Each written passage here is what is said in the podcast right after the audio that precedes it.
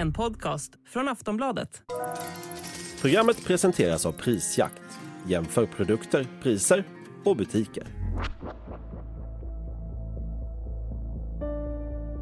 Kina ökar ständigt sin militära närvaro kring Taiwan. Hur ska ön kunna fortsätta att hålla borta sin stora granne? Kina har skickat 32 stridsflygplan och nio fartyg mot Taiwan. In recent years, China has sent military aircraft across the strait and towards the island southwest on a near daily basis. Ja, spänningarna mellan Kina och Taiwan har stigit till den högsta nivån på årtionden.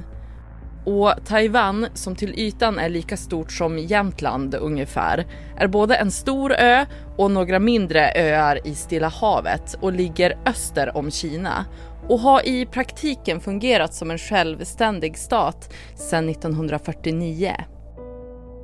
Men Kinas ledare Xi Jinping menar att Taiwan är en del av landets territorium. Presidenten har också sagt att de inte kommer att backa för att använda våld om det behövs för att nå en så kallad återförening med ön. Relationen mellan Kina och Taiwan har jämförts med den mellan Ryssland och Ukraina, bland annat av öns president Tsai Ing-wen. Det är 23,5 miljoner människor som bor i Taiwan och i januari 2024 hålls det nyval där. Beroende på vem av presidentkandidaterna som vinner så kan relationen till Kina förändras radikalt. As Taiwanese decide which direction they want to go more engagement with mainland China or more of the path towards being de facto independent. Men det kan finnas en viss fabrik som kan stoppa hotet mot ön. I Taiwan så tillverkas 90% av världens mest avancerade mikrochip som bland annat sitter i våra mobiler, datorer och bilar. Och den här viktiga produktionen kan fungera som ett slags skyddsnät mot stormakten Kina. Så vad ligger bakom de ökade spänningarna? Vad kan det kommande presidentvalet betyda för öns framtid? Och hur kan deras ledande mikrochipfabrik hjälpa Taiwan mot hoten? Det ska vi prata om i det här avsnittet av Aftonbladet Daily. Jag heter Ellen Lundström. Gäst är Aftonbladets utrikespolitiska kommentator Wolfgang Hansson som är på plats i Taiwan med fotografen Jerker Ivarsson. Wolfgang, vad är det som ni gör under ert besök där? Vi träffar ju en massa olika människor, men om man ska sammanfatta besöket så är det väl för att eh, få ett grepp om situationen här på Taiwan där, där det här hotet från Kina eh, blir allt större och vi vill se hur det påverkar Taiwan och taiwaneserna helt enkelt. Och du har ju bland annat träffat den förre försvarschefen och biträdande utrikesministern som har pratat om det här hotet från Kina. Vad är det som de har sagt till dig? Det verkar som att de tar hotet på största allvar. Båda är ju övertygade om att Kina förr eller senare kommer att invadera Taiwan eh, så länge som Taiwan inte går med på att eh, frivilligt återförenas med Kina. För det är ju så att Kina anser att Taiwan är en del av det kinesiska fastlandet trots att eh, kommunistpartiet aldrig har styrt över Taiwan. Det har ju, Taiwan har ju under olika perioder tillhört Kina men det har också varit koloniserat av både Holland och Japan och nu fungerar man i praktiken som en, en självständig nation. Eh, även om Kina in, inte vill acceptera det och försöker pressa världens länder att inte acceptera eh, Taiwan som ett självständigt land. Och Kinas president Xi Jinping har ju också ökat sin militära närvaro och som du säger så hävdar de ju att Taiwan tillhör deras territorium. Vad är anledningen till det? Taiwan har ju blivit en demokrati. Det är liksom ett demokratiskt skyltfönster för hela Asien och för Kina naturligtvis. Och de vill inte ha ett land som skulle kunna vara en förebild för de kineserna som bor på fastlandet. Och därför så använder de den här gamla, det här gamla kravet som, som har funnits länge men som de flesta kinesiska regeringar under de senaste årtiondena inte har brytt sig så mycket om, nämligen att någon gång i framtiden så ska Taiwan återförenas med Kina. Nu vill man liksom snabba på den här processen. Och problemet är ju att Taiwan eh, styrs ju av en demokratiskt vald regering som absolut inte vill bli en del av Kina. De vill ju bevara sin demokrati.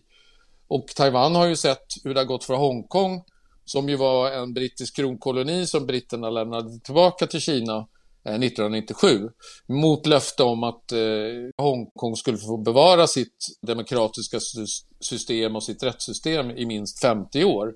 Men det har ju Kina nu gått in och, och ändrat på och i princip avskaffat demokratin i Hongkong.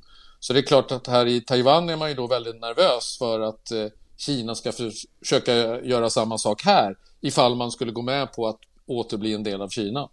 Och om vi ser på det globalt, anses Taiwan då vara ett självständigt land? Alltså de har inte själva deklarerat sin självständighet. De säger att de är en, eh, en fristående nation, men de har inte sagt att de är självständiga. Och det är ju så att det är väldigt få länder i världen som har diplomatiska relationer med Taiwan. Eh, det är bara, numera är det bara 12 länder kvar som har det.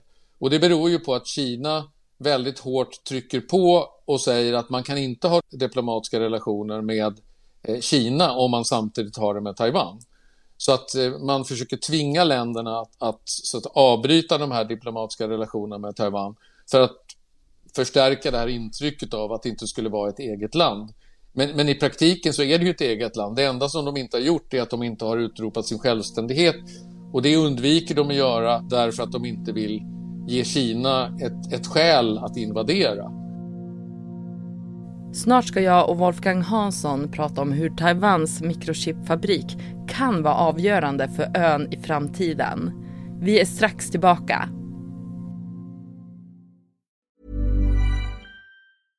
Want flexibility? Take yoga. Want flexibility with your health insurance? Check out United Healthcare Insurance Plans. Underwritten by Golden Rule Insurance Company, they offer flexible, budget friendly medical, dental, and vision coverage that may be right for you. More at uh1.com.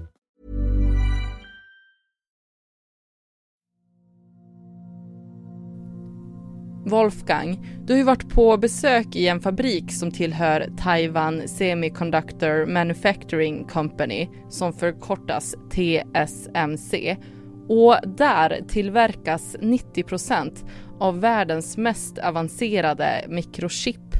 Kan du berätta mer om de här chippen och hur de används? Ja, de är ju otroligt viktiga i, i dagens eh, produktion och dagens ekonomi.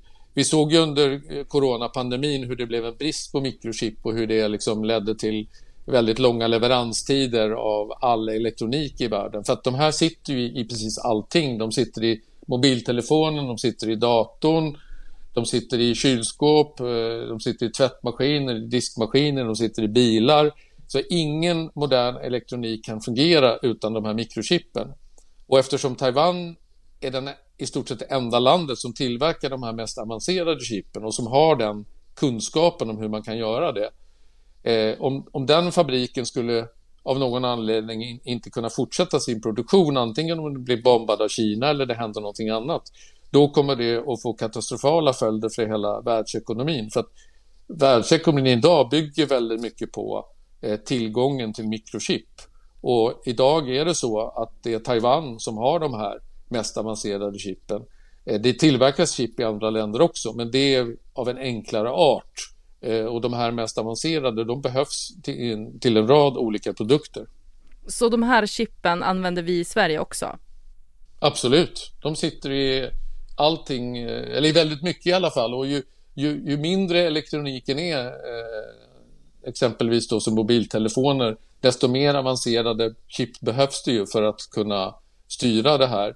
Eh, de här systemen som finns i våra elektroniska apparater. Och nu när vi har det här eh, artificiell intelligens på ingång, de kommer ju också kräva väldigt avancerade mikrochip eh, för att det ska fungera på ett bra sätt. Och då blir den här fabriken ännu viktigare. Och de, det finns ett helt ekosystem runt den här fabriken på Taiwan med massvis med företag som var och en har sin specialkunskap. Och det är det som gör det så otroligt svårt att flytta produktionen någon annanstans så att säga. Och de har ju också sett till, det här företaget har ju sett till att, att skydda eh, sin mest avancerade produktion. Så när de bygger fabriker utomlands som de nu gör i, bland annat USA och, och Tyskland exempelvis, så bygger de ju inte fabriker som ska tillverka de här mest avancerade chippen, utan det här är chip som då är lite mindre avancerade. Och du har sagt att det här kan funka som en slags livsförsäkring åt Taiwan. Kan du utveckla vad du menar med det? Ja, det är många taiwaneser som tror att tack vare att de har det här företaget så skulle Kina aldrig våga attackera.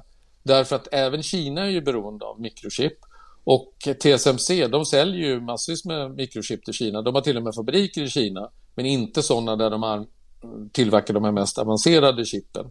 Och de kan inte Kina få tag på nu eftersom eh, de är under amerikanska sanktioner. Så TSMC får inte sälja några sådana chip till Kina. Eh, så därför tror många taiwaneser att, att Kina inte skulle våga sig på en invasion för att då är det ju risk att den här fabriken skulle förstöras eller att kompetensen försvinner. Men jag har pratat med ett antal personer här, eh, experter då, som inte tror att eh, det skulle räcka för att eh, hindra Kina från att eh, attackera. Om, om nu Xi Jinping verkligen vill göra allvar av sitt hot Eh, så, är, så är det av skäl som är så mycket större än, än ekonomin. Precis som när, när Putin attackerade Ukraina så brydde han sig inte om de ekonomiska konsekvenserna. Och precis på samma sätt så tror många då att Xi Jinping inte kommer att bry sig om de ekonomiska konsekvenserna ifall han bestämmer sig för att ta Taiwan, utan det är ju en del i hans plan att bygga Kina stort igen, att göra Kina till världens supermakt och, och så att säga, öka på nationalismen i Kina och då, då känner han att hans uppgift som ledare det är liksom att eh, se till att Taiwan åter blir en del av Kina. Vad skulle du säga är det största hotet från Kina mot Taiwan just nu? Ja, det, det, dels är det ju det här militära hotet som man hela tiden eh, hot, alltså hotar med indirekt genom att skicka de här flygplanen in i Taiwan, över Taiwans område och, och krigsfartygen. Men sen är det också en annan eh, sak som redan har startat och det är ju det här cyberkriget mot Taiwan. Att eh, Kina riktar cyberattacker, dagliga cyberattacker mot vital infrastruktur i Taiwan man försöker slå ut vattenförsörjning och elförsörjning. Man försöker slå ut eh, regeringens och myndigheternas hemsidor för att skapa oro hos befolkningen. Ehm, och man skapar, försöker sprida desinformationskampanjer. Och det här är ju någonting som redan pågår. Och här har ju Taiwan förra året då bildat ett digitaliserings eh, och säkerhetsdepartement som just ska ta itu med de här sakerna för att försöka motverka de här kinesiska attackerna. Hur hanterar Taiwans president Tsai Ing-wen och hennes ledning det här hotet som kommer från Kina? Ja, det är just det här att man försöker att dämpa, att man försöker att inte officiellt prata om självständighet utan man försöker linda in det här på olika sätt. Och man försöker att inte liksom i onödan eh, reta upp Kina eller ge Kina något skäl att få ett skäl att invadera så att säga. Förutom det grundskälet som Kina har att man tycker att eh, Taiwan tillhör Kina. Eh, och samtidigt så försöker hon ju vara diplomatisk på offensiven. Hon har ju varit i USA nyligen och träffat eh, talmannen i den amerikanska eh, kongressen. Eh, och då blir ju Kina väldigt upprörda, men de blev ju ännu mer upprörda när hon tog emot USAs förre talman i kongressen Nancy Pelosi för ett drygt år sedan när hon kom till Taiwan. Då satte ju Kina igång med en väldigt kraftig eh, kraftiga protester i form av att man skickade upp stridsflygplan som flög, flög in över taiwanesiskt eh, luftförsvarsområde. Och man skickade in ut en massa fartyg runt Taiwan i, Taiwans, i det som kallas Taiwansundet. Eh, och man i princip så, så eh, repeterade man liksom en blockad av Taiwan. Eh, och, det, och det här har vi ju sett nu att för varje gång som Taiwan gör någonting som upprör Kina så blir så trappas de här åtgärderna från Kina upp mer och mer. Och det är ju det som är väldigt oroande utveckling, inte minst efter det vi har sett som händer i Ukraina då när Ryssland invaderade Ukraina. Nu, nu ser det ut som att det kan hända samma sak här så att säga att det, den stora jätten Kina gör precis som Ryssland gjorde, de, de ger sig på det lite mindre Taiwan. så det är ju den utvecklingen som många fruktar är, är på gång. Och att Taiwans president kommer att avgå nu i januari 2024 efter två mandatperioder. Vad innebär det? Då är ju då det partiet som den nuvarande presidenten tillhör, de har ju då en ny kandidat och han, han är idag vicepresident i landet. Och han ställer upp för att försöka få bli president, men han har ju då tre olika motkandidater som alla då är lite mer Kina-vänliga. Och det, det man hoppas på här då, de som vill bevara sin självständighet, det är ju att eh, när de här Kina-vänliga rösterna splittras på tre kandidater, att det då ska bli lättare för den här William Lai som han heter då, att vinna valet och kunna inta presidentposten då. Och om han vinner, då kommer ju den här utvecklingen att fortsätta som den är nu med ett demokratiskt Taiwan. Om oppositionen vinner så är det mer oklart vad som kommer hända för att de oppositionen som är, det är ett parti som heter KMT som är det största oppositionspartiet och de vill ju på något sätt komma överens med Kina.